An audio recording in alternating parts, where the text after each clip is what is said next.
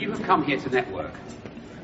I'm going to talk later on about how I think Danish people actually have an amazing capability. They just don't use it. Why would I go to work?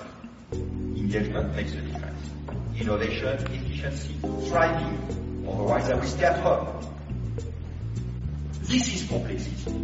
This is what it takes to create value, to retain customers, to attract customers. The real problem is this complicatedness. And the more productive they are, the more opportunities you have to satisfy their aspirations. Thanks a lot uh, to Ian I really think actually you get you got the message across. Uh, global, act local. No, it's doing actually both. Think and act global and local. It's just a question of finding out who does what and where. How do you manage all this complexity? Well, we do by delegating and empowering the local business unit and make them, you know, stick to what they do best locally.